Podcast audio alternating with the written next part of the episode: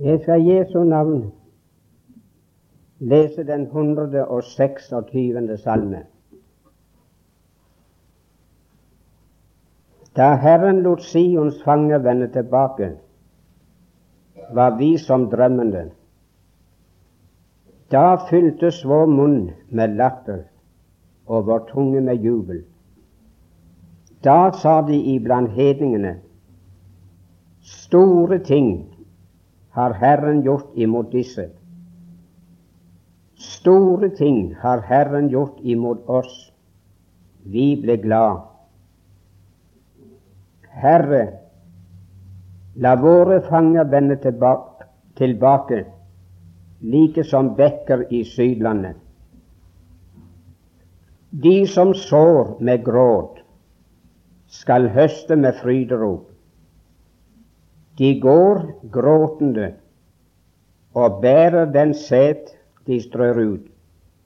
De kommer hjem med fryderop og bærer sine kornbånd.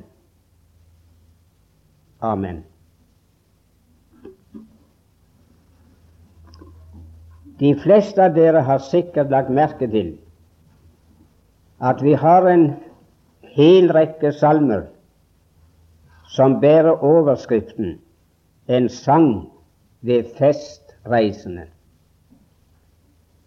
Og det var sanger som Israel sang på veiene når de reiste opp til Jerusalem for å avholde Herrens høytider. Gud hadde bestemt at de skulle reise opp til Jerusalem tre ganger hvert år. Og de tre gangene skulle de avholde i alt syv forskjellige høytider. Og reisen opp til Jerusalem for å feire de høytidene hadde Gud et særskilt velbehag i.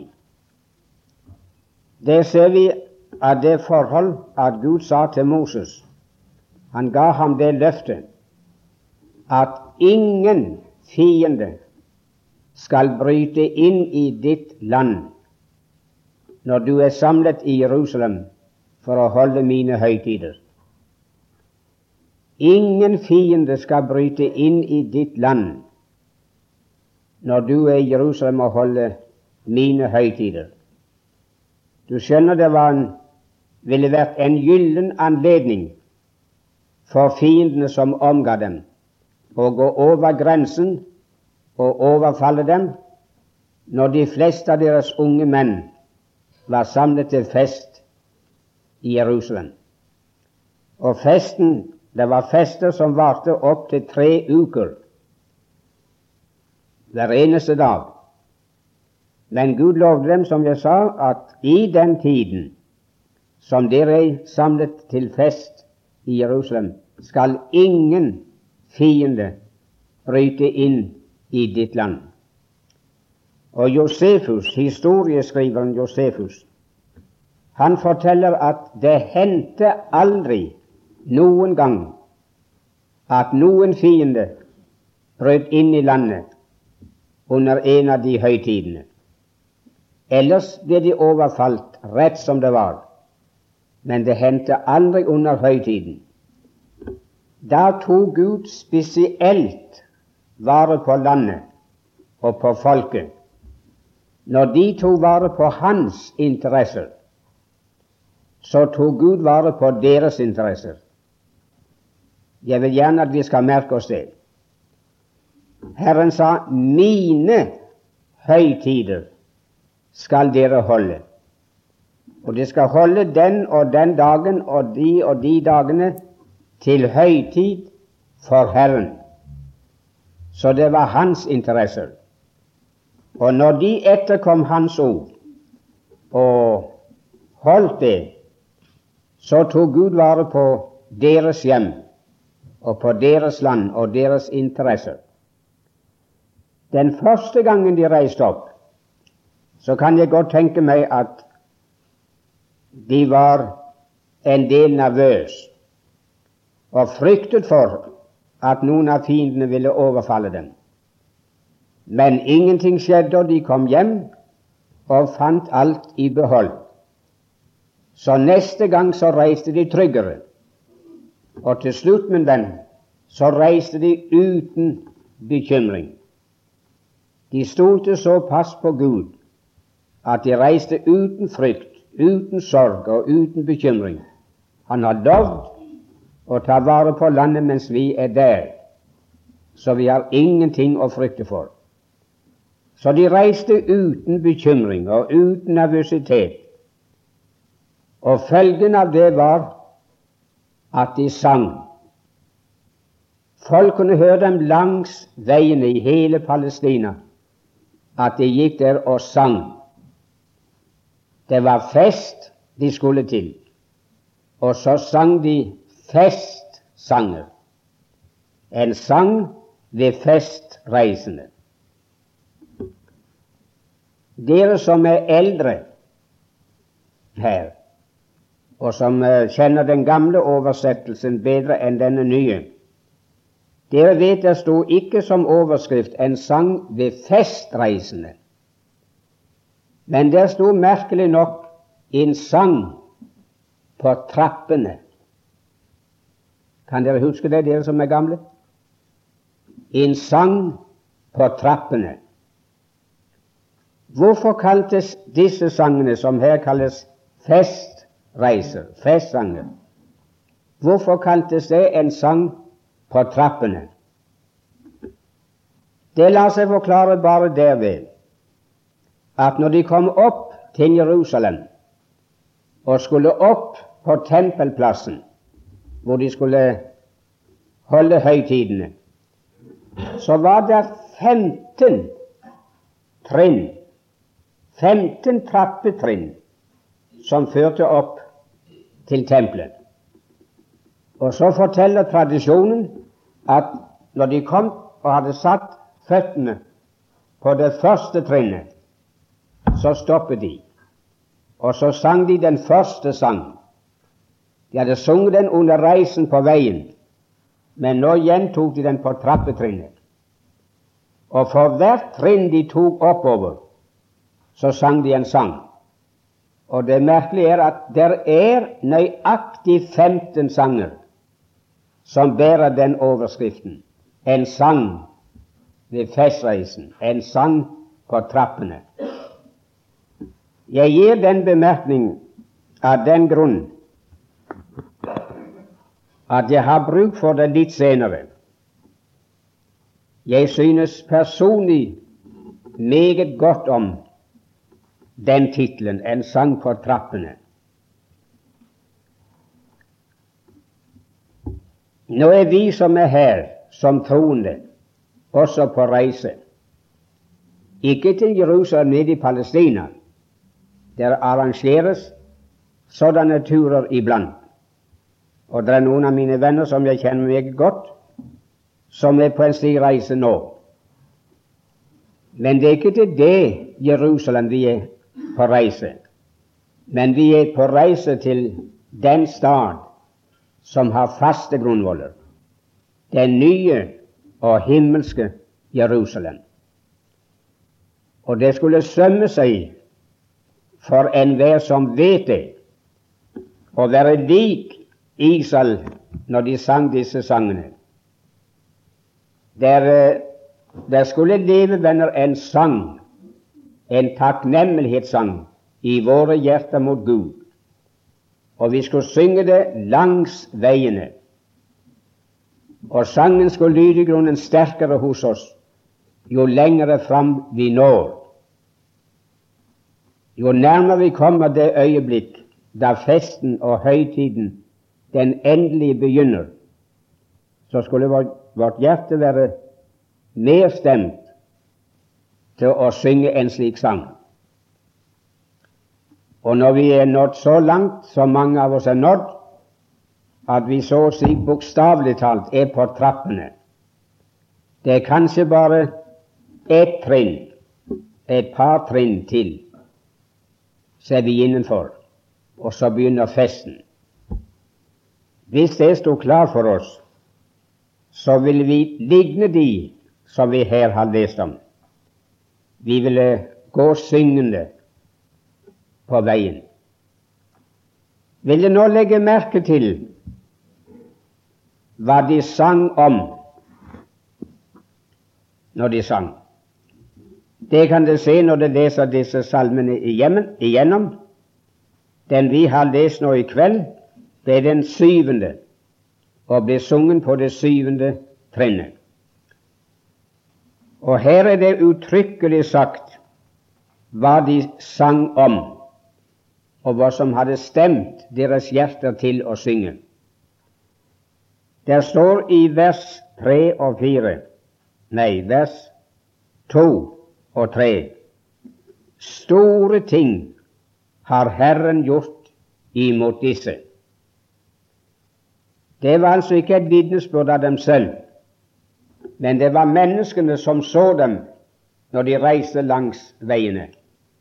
De var klar over at Herren hadde gjort store ting imot disse menneskene, og derfor så sang de.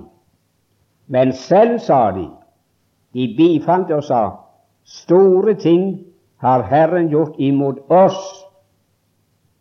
De ble glade. Altså, det de sang om, det var Herrens verk.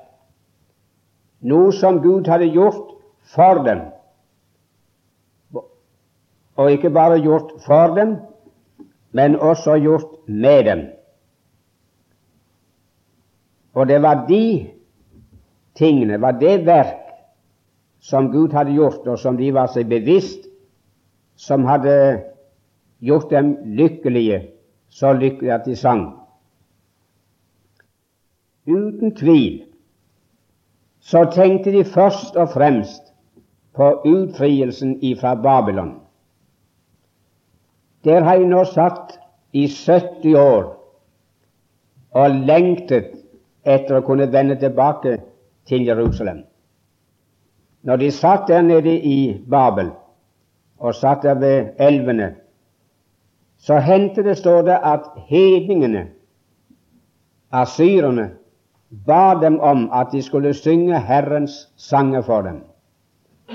Men da sa de De hadde hengt sine harper på, på grenene oppe i skauen, så det var intet spill og ingen sang. Det var tyst og stille.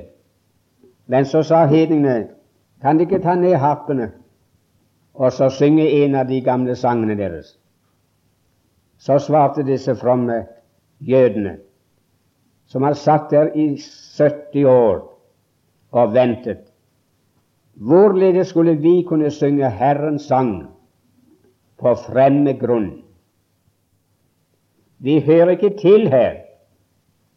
Vi er på fremmed grunn, og vi er på fremmed grunn på grunn av vår synd og vår utroskap. Vi sitter her med en dømt samvittighet og har ingen betingelse for å ta harpene ned og begynne å spille og synge. Disse menneskene, venner, de, de var nå utløst. De 70 år var til ende, og Gud slo porten opp, og hvem som helst kunne få lov å reise hjem.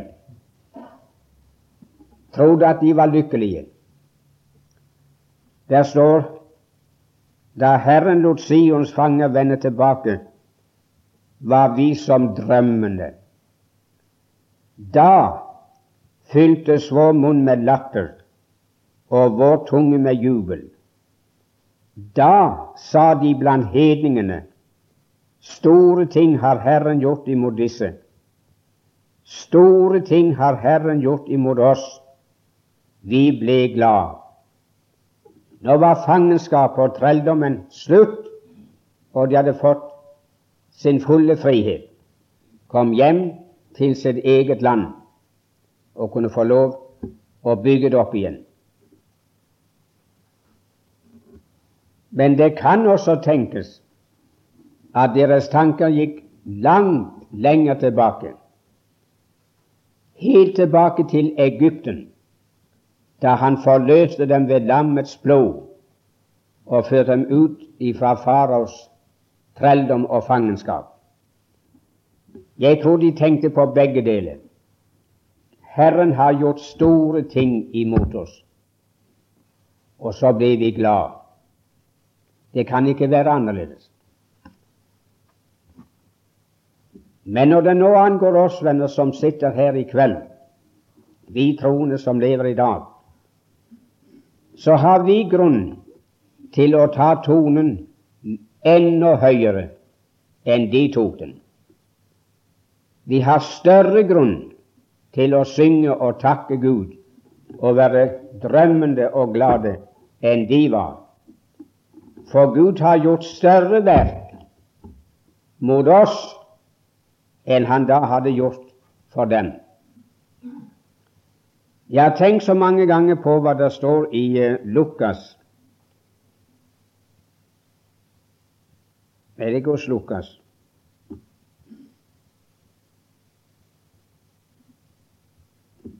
Jo, det er sikkert hos Lukas. I Lukas 2, da englene åpenbarte seg for hyrdene på Betlehemsmarkene, så står det at de sa, disse hyrdene, Kom, la oss gå like til Betlehem for å se den store ting som Gud har gjort. Kom, la oss gå like til Betlehem for å se den store ting som Gud har gjort. Da hadde Gud venner gjort en stor ting større enn noen menneskeforstand har vært i stand til å fatte, og langt større enn det han gjorde for Israel da han eh, fridde dem ut ifra Babel. Og si meg, min venn, hva var det de fikk se når de kom til Betlehem? De fikk se den store ting som Gud hadde gjort. Men hva var det?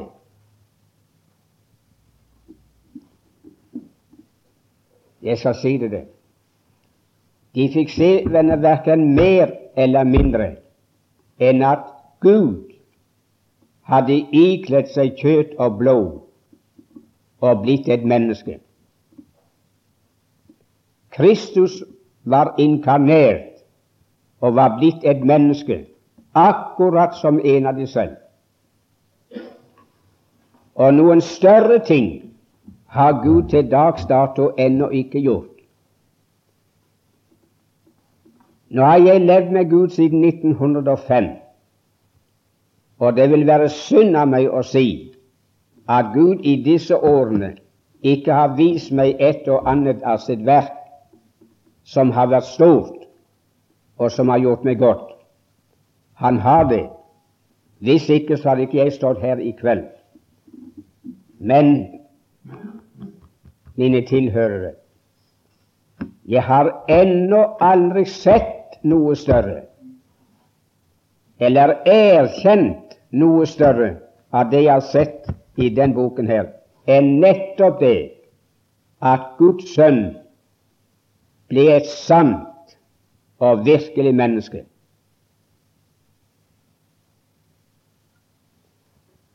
Om det i virkeligheten har gått opp for deg hva det betyr, så det er en annen sak. Men det er grunnvollen for all kristen tro og for all vår frelse, både som en synder og som en troende. Og det står at stor er den gudsfryktens hemmelighet, Han som ble åpenbart i kjød og trodd i verden. I Hebreabrevet det andre kapittel, 14. vers, der er det fortalt hvorfor han ikledte seg kjøtt og blod. Hvorfor han gjorde den store ting. Det står fordi barna har del i kjøtt og blod, så fikk også han i like måte del deri, i. Kjøtt og blod, for at han fikk del i det. Han ble menneske. For at han ved døden skulle kunne utfri alle dem. Nei, for at han ved døden skulle kunne gjøre den til intet som har dødens velde, og så utfri alle dem som på grunn av frykt for døden var i trelldom all sin livstid. Mine tilhørere, husk på at det som var dommen over oss syndere, det var at vi skulle dø. Den sjel som synder, han skal dø. Og hvis noen skulle kunne påta seg å være min frelser, så måtte han være i stand til å kunne frelse meg fra den døden, og så gi meg livet. Jeg behøvde ikke en person, en frelser, som bare skulle leve for meg i denne verden. Hvis det hadde vært tilfellet, godt folk, så hadde Kristus sluppet billig ifra affæren å være en frelser for syndere. Det var ikke nok å leve og leve et fullkomment liv. Jeg har hørt mennesker preke og si at Kristus han oppfylte loven for oss. Og derved at han i ett og alt oppfylte loven i sitt liv, så ble han vår frelser. Mine venner, det er løgn. Det er samme hvem som sier det. Så billig slapp han ikke fra det. Det var en lett sak for han som var Gud, i ett og alt gjøre Guds vilje og gjøre det fullkomment.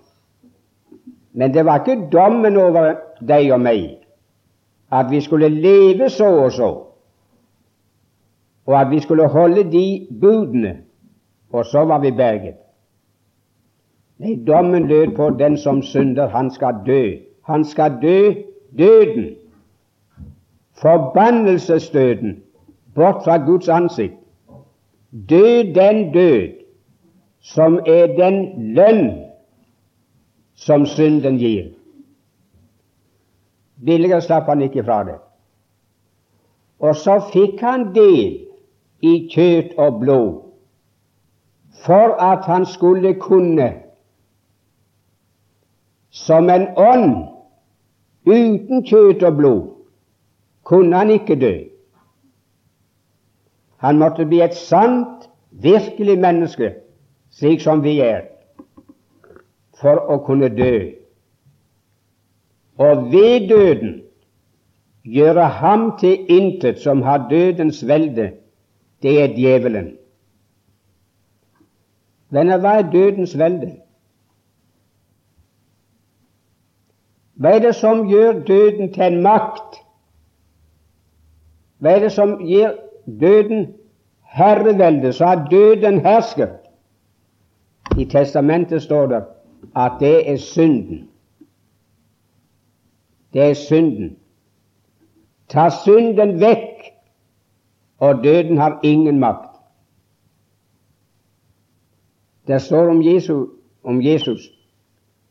Det var sagt om han før han steg inn i verden, og det ble gjentatt etter at han hadde gitt sitt liv i døden på et kors, at hans legeme skal ikke se forråtnelse. Ethvert annet menneskelig legeme, det ser forråtnelse, og vil se forråtnelse hvis ikke Herren kommer snart og forvandler noen av oss. Eller så dør vi, og så ligger vi noen få dager, og så er oppløsnings- og forrådnelsesprosessen i full utvikling. Men venner, den Herre Jesus ble lagt i en grav. Han døde. Han ble begraven. Men han stinket ikke. Det var ingen forråtnelse i hans kjøtt og hans blod. Han sto opp igjen like sunn, like frisk og like ren som de la han i graven. Det vil si, døden hadde ingen makt over hans legeme. Hvorfor? For det var hellig. Det var rent. Det var ingen synd i det legemet. Han kunne aldri venner snakke om synden i kjøtet, slik som vi må gjøre. Han var uten synd, og døden sto maktesløs over ham. Men ved sin død, sier Hebreabrevet 9, tok han synden bort ved sitt offer. Ikke sin synd, for han hadde ingen. Han hadde bare den synden den som var tilregnet ham. Andre synd. For han bar våre synder på sitt legeme opp på treet. Og han ble åpenbart en gang ved tidenes ende for å ta synden vekk ved sitt offer. Ikke ta den vekk som, uh, som en kjensgjerning, det skal han en gang gjøre, men han, han har ikke gjort det. For synden er fremdeles i denne verden. Menneskene vasser i synd. Og heller ikke har han tatt den bort som en ond, nedarvet natur som bor i oss. Det skal han en gang gjøre når han kommer igjen og forvandler vårt legeme i et nu og et øyeblikk, så det blir likt med Hans herlighetslegeme. Men når han har tatt den vekk, min venn, så betyr det han har tatt den vekk fra Guds ansikt som årsak til fordømmelsen. Den er fjernet fra Guds ansikt som årsak til fordømmelsen. Jeg er en synder, og jeg har et syndig kjøtt, synden som bor i meg. Men det skal aldri bringe fordømmelse over meg, for det tok Kristus bort ved sitt offer, da han ga sitt liv i døden for meg. Følgelig håper jeg de begynner å forstå at jeg har aldri sett noe større enn det, enn at han ble menneske.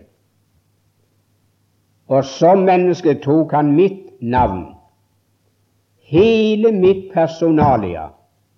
Og var meg, ikke som en engel, men som en synder, og sto til regnskap for alt jeg kunne lastes og klandres for, tok synden vekk ved strømmen av sitt blod. Og så kan Romerbrevet 8 begynne med å si så er det da ingen fordømmelse for den som er i Kristus Jesus. Professor Odland han sier at det skal egentlig stå, ifølge grunnteksten, så er det da nå ingen fordømmelse av noen som helst årsak for den som er i Kristus Jesus. Det kan ikke være nevnes en eneste årsak, en eneste grunn for at Gud skal bringe fordømmelse, straff og helvete over det mennesket som er i Kristus Jesus. Så er det da nå ingen fordømmelse av noen som helst årsak for den som er i Kristus Jesus.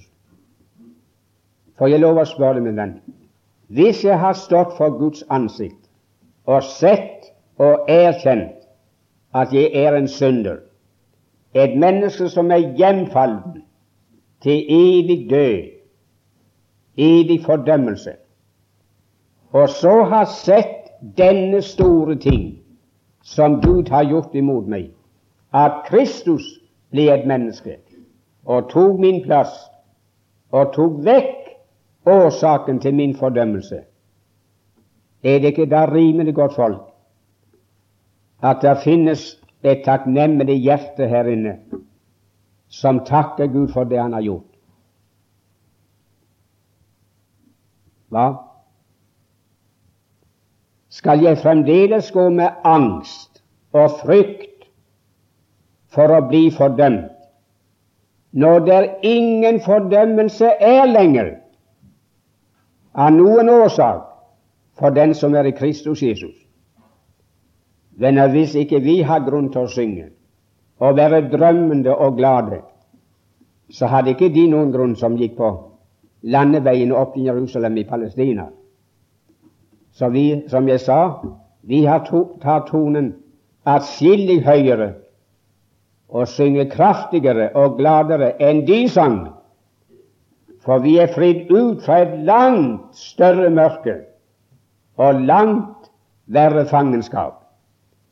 Det er ikke bare sånn objektivt forstått, noe som er skjedd i Kristus, men hans, her sto Store ting har Herren gjort imot disse. Store ting har Herren gjort imot oss. Vi ble glad. Det er en personlig sak. Det er noe som har skjedd med enhver troende personlig, som er skjedd i selvsamme øyeblikk vi kom til tro på evangeliet. Vi leser derfor i Kolossenserbrevet 1 i det vi takker Gud og Faderen, med glede takker Gud og Faderen. Han, merk nå, han som fridde oss ut fra mørkets makt han som fridde oss ut fra mørkhetens makt. Vi var i mørket, og vi var i mørkets makt, i djevelens makt. Og som her var sagt, ingen formådde å rive seg selv løs derfra. Tvert imot. Men det var en som fridde oss ut. Men han gjorde mer enn å fri oss ut fra mørkets makt. Og han satte oss over i sin elskede Sønns rike. Mine venner, enhver troende, de har skiftet grunn overfor Gud. De var i mørket og i mørkets makt, men så ble de fridd ut derifra og satt over i Guds Sønns elskede rike. Og det er skjedd Kan du forestille deg et område som ligger i mørket, og der hersker og rår djevelen og synden og verden, og der var vi fanget. Så kom det en hånd fra himmelen og grep fatt i oss og fridde oss ut fra det området i mørket så var det et stort svelg, og på den andre siden der ligger Guds Sønns elskede rike, i lys og klarhet. Og så satte han oss over i Hans rike. Så der er enhver troende. Mine venner, han holder ikke på med å sette oss over. Han har ikke fått oss sådan omtrent halvveis eller tre kvart over avgrunnen. Men han har fått oss over. Han fridde oss ut. Så ikke han skal gjøre det. Det står i ferdig fortid. Han fridde oss ut fra mørkenes makt og satte oss over i sin elskede Sønns rike. Det er brakt i orden. har vi grunn, min venn, til å synge om Hans verk, det Han har gjort for oss og med oss. En tid så jeg det slik, og slik ser mange troende på saken også i dag. At han har grepet fatt i oss der i mørket. Og der holder han på å slite på oss.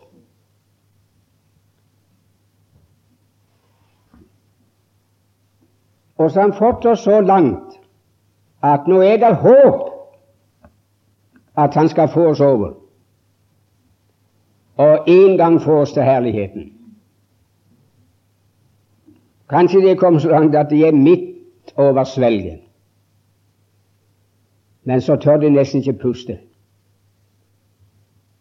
Skal det lykkes å få meg over, eller skal han gi meg opp, så jeg slumper i her på midten, og så går jeg avgrunnen og fordømmelsen allikevel? Det er ikke på sitt bare liv. Men det er ingen fred, det er ingen hvile, ingen trygghet, ingen forvissning om sin frelse. De kan ikke si med apostelen Paulus 'Jeg er viss på'. Jeg håper det ikke, jeg antar det ikke, men jeg er fullt viss på at Han har fridd oss ut. Han har satt oss over.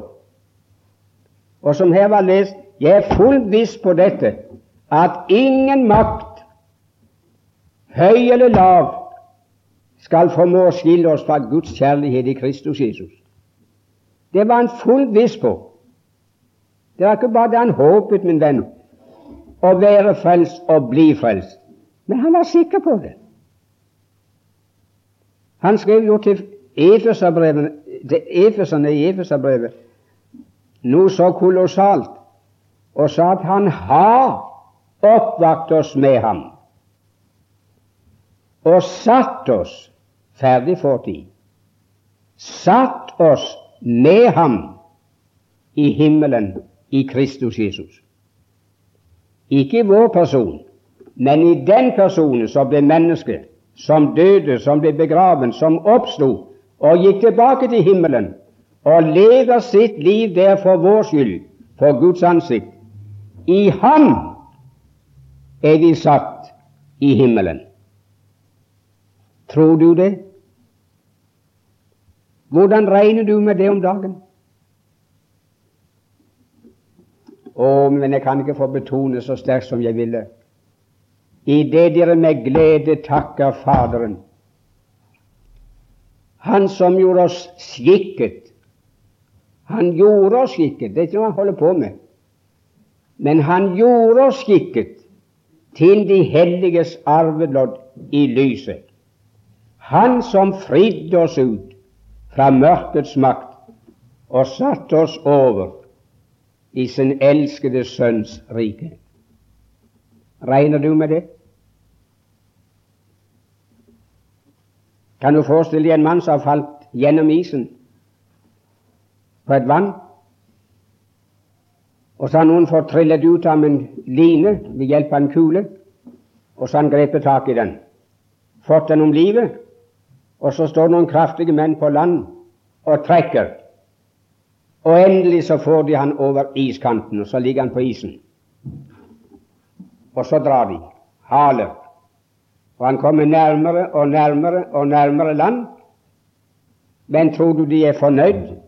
De er hans pårørende som står og ser på. Er han frelst? Er han frelst med det at de fikk han opp av vannet og på isflaten, og nå haler på ham? Nei, nei, min venn. Han er ikke frelst for han sitter hjemme i stua. Så kona kan stå på land, eller noen av barna står på land og sier Ja, gudskjelov og takk, de har fått den opp på isen. Men var det ikke brest igjen? Sett at lina den ryker, og så slumper han i igjen, så ligger han der. Venner, er det sånn vi er frelst? Er det noe slikt som står i testamentet? Hvis det står, så vis meg det. Nei, min venn, han fikk oss ut av mørket, og han fikk oss over svelget og satte oss i sin elskede Sønns rike.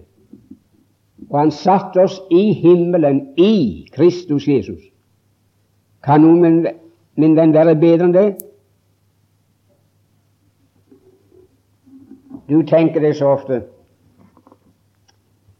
det ville passe godt, min venn, for mange troende, om det hadde stått slik i Romerne 8,1, så er det da ingen fordømmelse for dem som er kommet til himmelen. Ja, det hadde de trodd, min venn, med hele sitt vesen. Selvfølgelig. Vi er kommet til himmelen i egen person. Det er ingen fordømmelse for meg. Men nå er jeg her i Haugesund. Og jeg er nede på Karmøy nå, i Åkrehamn. Og her er mye smått stell. Mye skrøpelig. Bare ikke bli fordømt til slutt allikevel. Nei, men venn, det står det er ingen fordømmelse av noen som helst årsak for den som er i Kristus Jesus. Tror du det hadde vært tryggere å være i himmelen enn å være i Kristus? Du gjør vel ikke himmelen bedre og tryggere enn Kristus? Men det er umulig å komme på et tryggere sted enn å være brakt inn som en ny skapning i den siste stamfader, i Kristus Jesus. Det er absolutt umulig.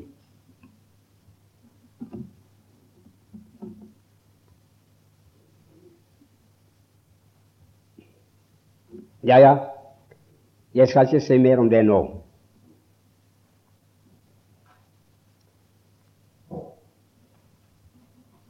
Men får jeg betone et par andre uttrykk. Da Herren lot Sions fange vende tilbake, var vi som drømmende. Ja, det var den gangen. Da fyltes vår munn med latter og vår tunge med jubel. Da sa de iblant hedningene Da sa de iblant hedningene Store ting har Herren gjort imot disse. De visste og de så at det var skjedd denne veldige forandring for dem og med dem. Og da fikk de det vitnesbyrdet av hed, hedningene.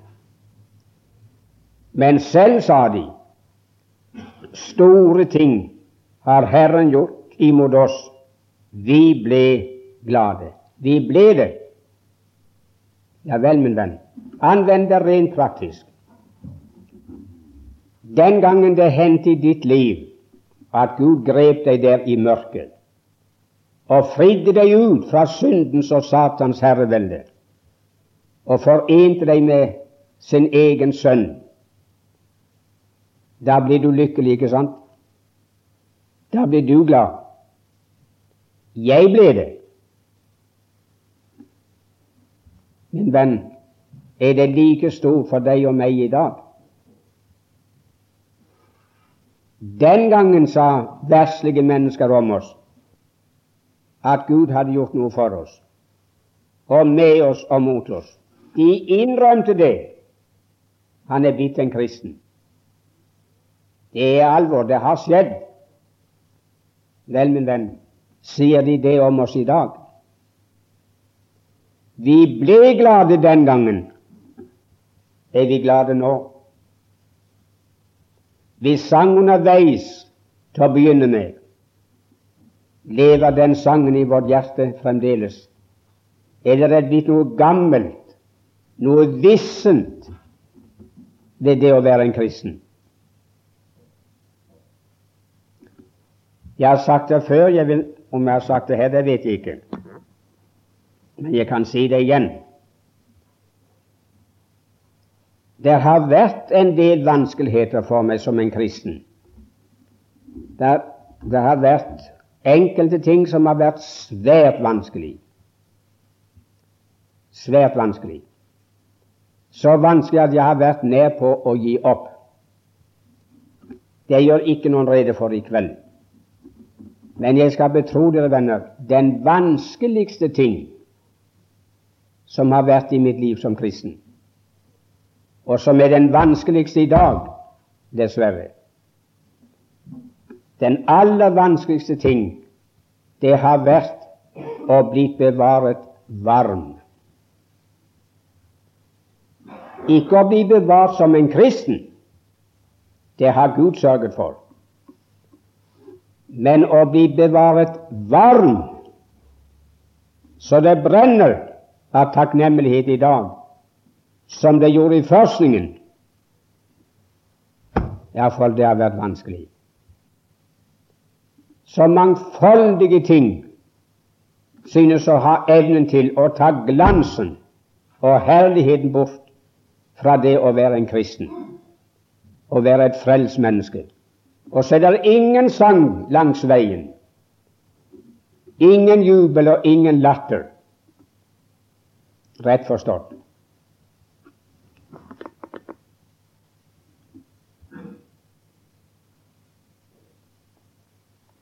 Når dette kan være nok om de tre første vers, så bare noen få ord om vers fire. De to siste skal vi stanse for i morgen kveld.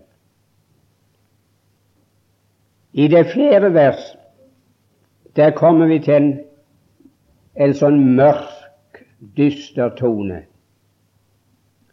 Her er den glade jubelen vekke.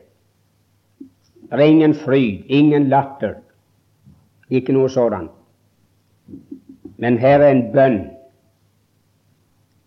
De vender seg mot Gud, og så sier de, Herre,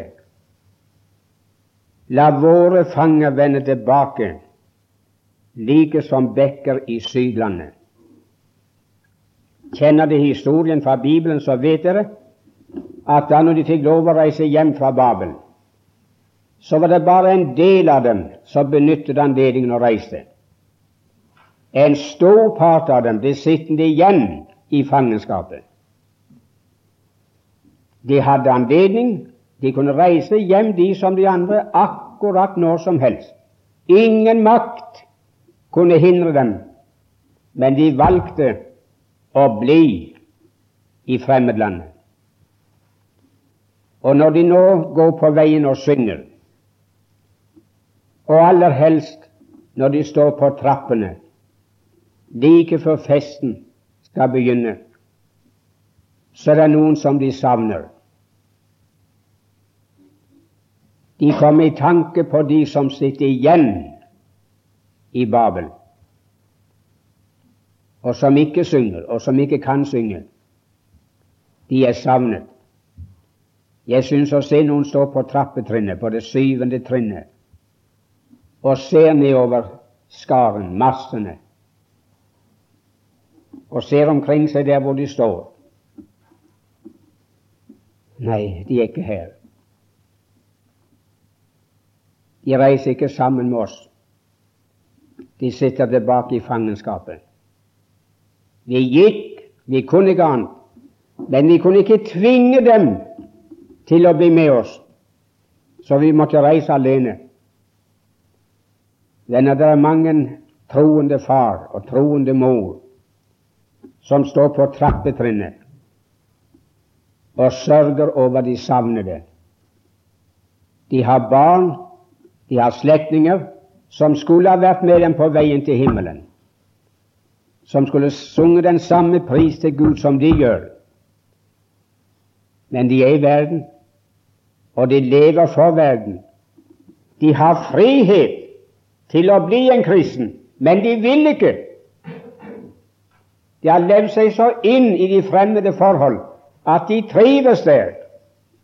Og så sitter de der.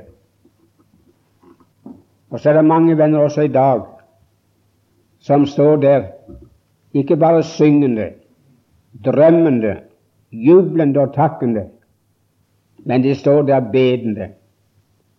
Å, Herre, la våre fanger vende tilbake de som sitter igjen, de som ikke gikk med oss ut, og som vi ikke kunne få overtalt. Herre, la de vende tilbake, og de tar kraftig i. Å, Herre, la dem vende tilbake, like som, som bekkene i Sydlandet. Jeg er ikke sikker på om de alle sammen er klar over bildet. De vet at i Palestina så var det tørkeperioder og regnperioder. Det var tider av året der ikke falt en dråpe vann. Intet regnskyll. Bekkene de ble uttørret.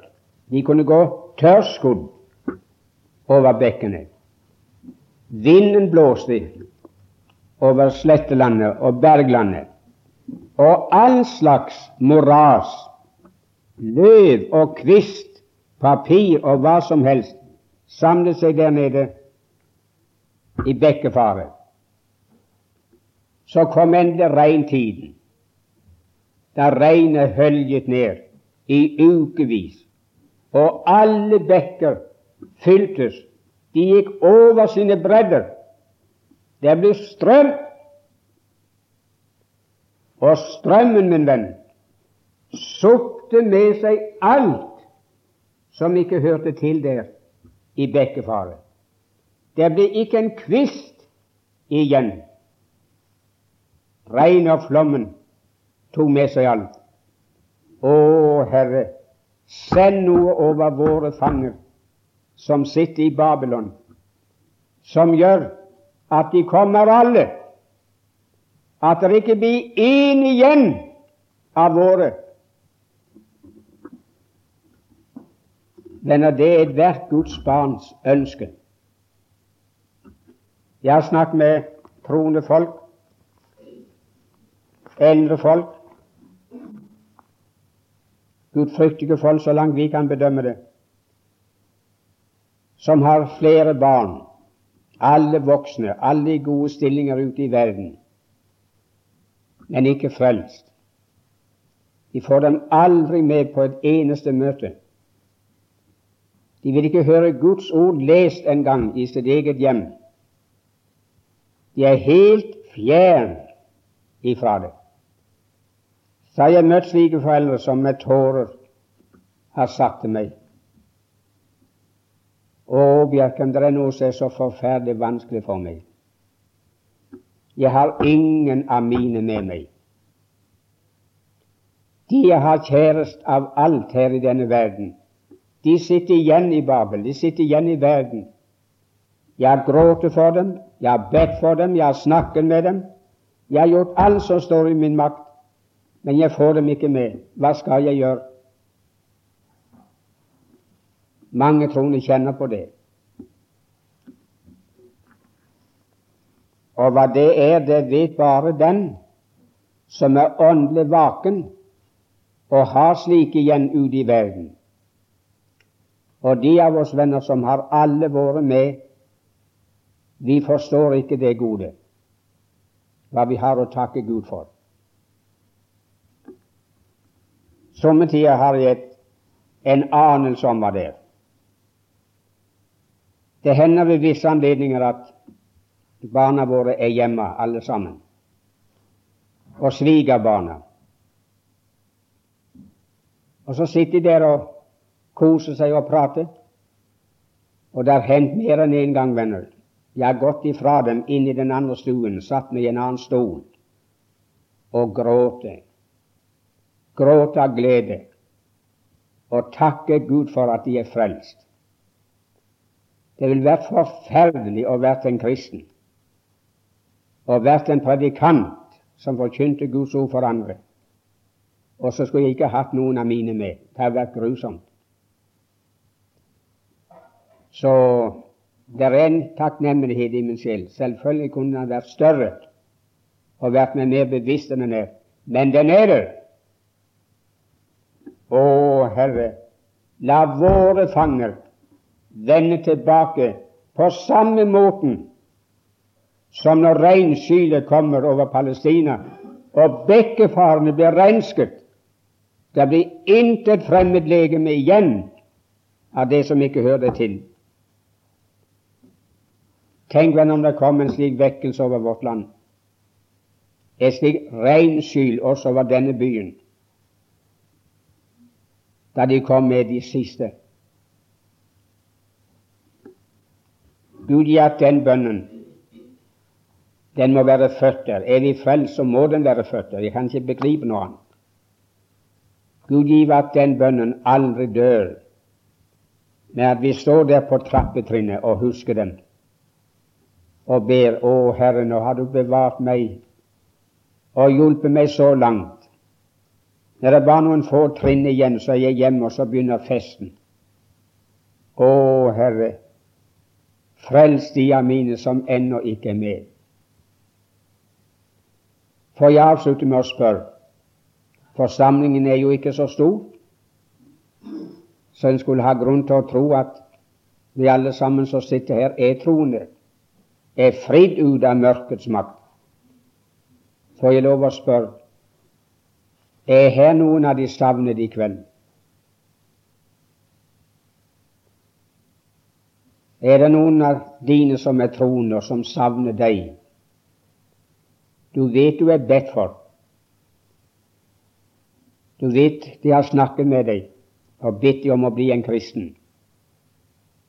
Men ennå er du i verden. Ennå er du savnet. Min venn, skal du bli savnet til sist? Skal de lukke sine øyne i døden i denne verden og gå bort uten å ha sett at de blir bønnhørt. Og skal de savne deg, min venn, for godt når de er kommet innenfor og festen er begynt. Kan du orke den tanke at du skal være en av de savnede til slutt? Du behøver ikke bli det. Døren er slått vidt åpen, så hvem som helst kan bli frelst, som sier til Jesus venner. Så har du ikke tatt det skrittet før, ta det i kveld.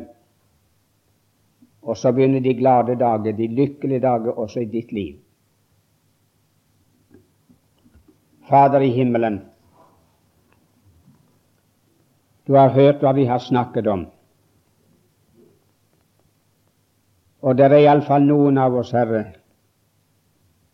som har vårt hjerte med å sette pris på det store verk som du har gjort mot oss. Det største når du gav oss din egen sønn, når han ikledte seg kjøtt og blod og ble et sant menneske, som tok vår død på seg og vår grav på seg, men som også reiste seg fra graven som et levende, herliggjort menneske, og nå lever sitt liv for ditt åsyn for vår skyld i herligheten. Og så skal vi som blir forlikt ved din sønns blod, meget mer bli frelste ved hans liv, det liv han nå lever for ditt ansikt. Takk, kjære Herre, for ditt store verk. Bevar oss, Herre,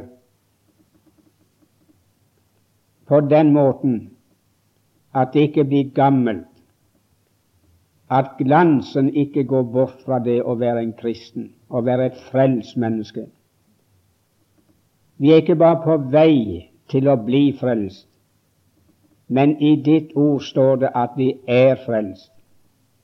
Saken den er avgjort. Vi venter bare på at det som har skjedd med oss i din sønn, også skal skje med oss personlig, med unntakelse av å slippe å gå i graven. Vi ville helst at du kom til luften og rykket oss bort i et nu, i et øyeblikk, og forvandlet oss til likhet med deg, og så tok oss inn i din nærhet, i ditt hjem. Så satt vi i herligheten, ikke i deg, men i vår egen person. Og da skulle vi forstå og takke deg, kjære Herre, for at du nå har levd for oss og satt for oss der i alle disse år.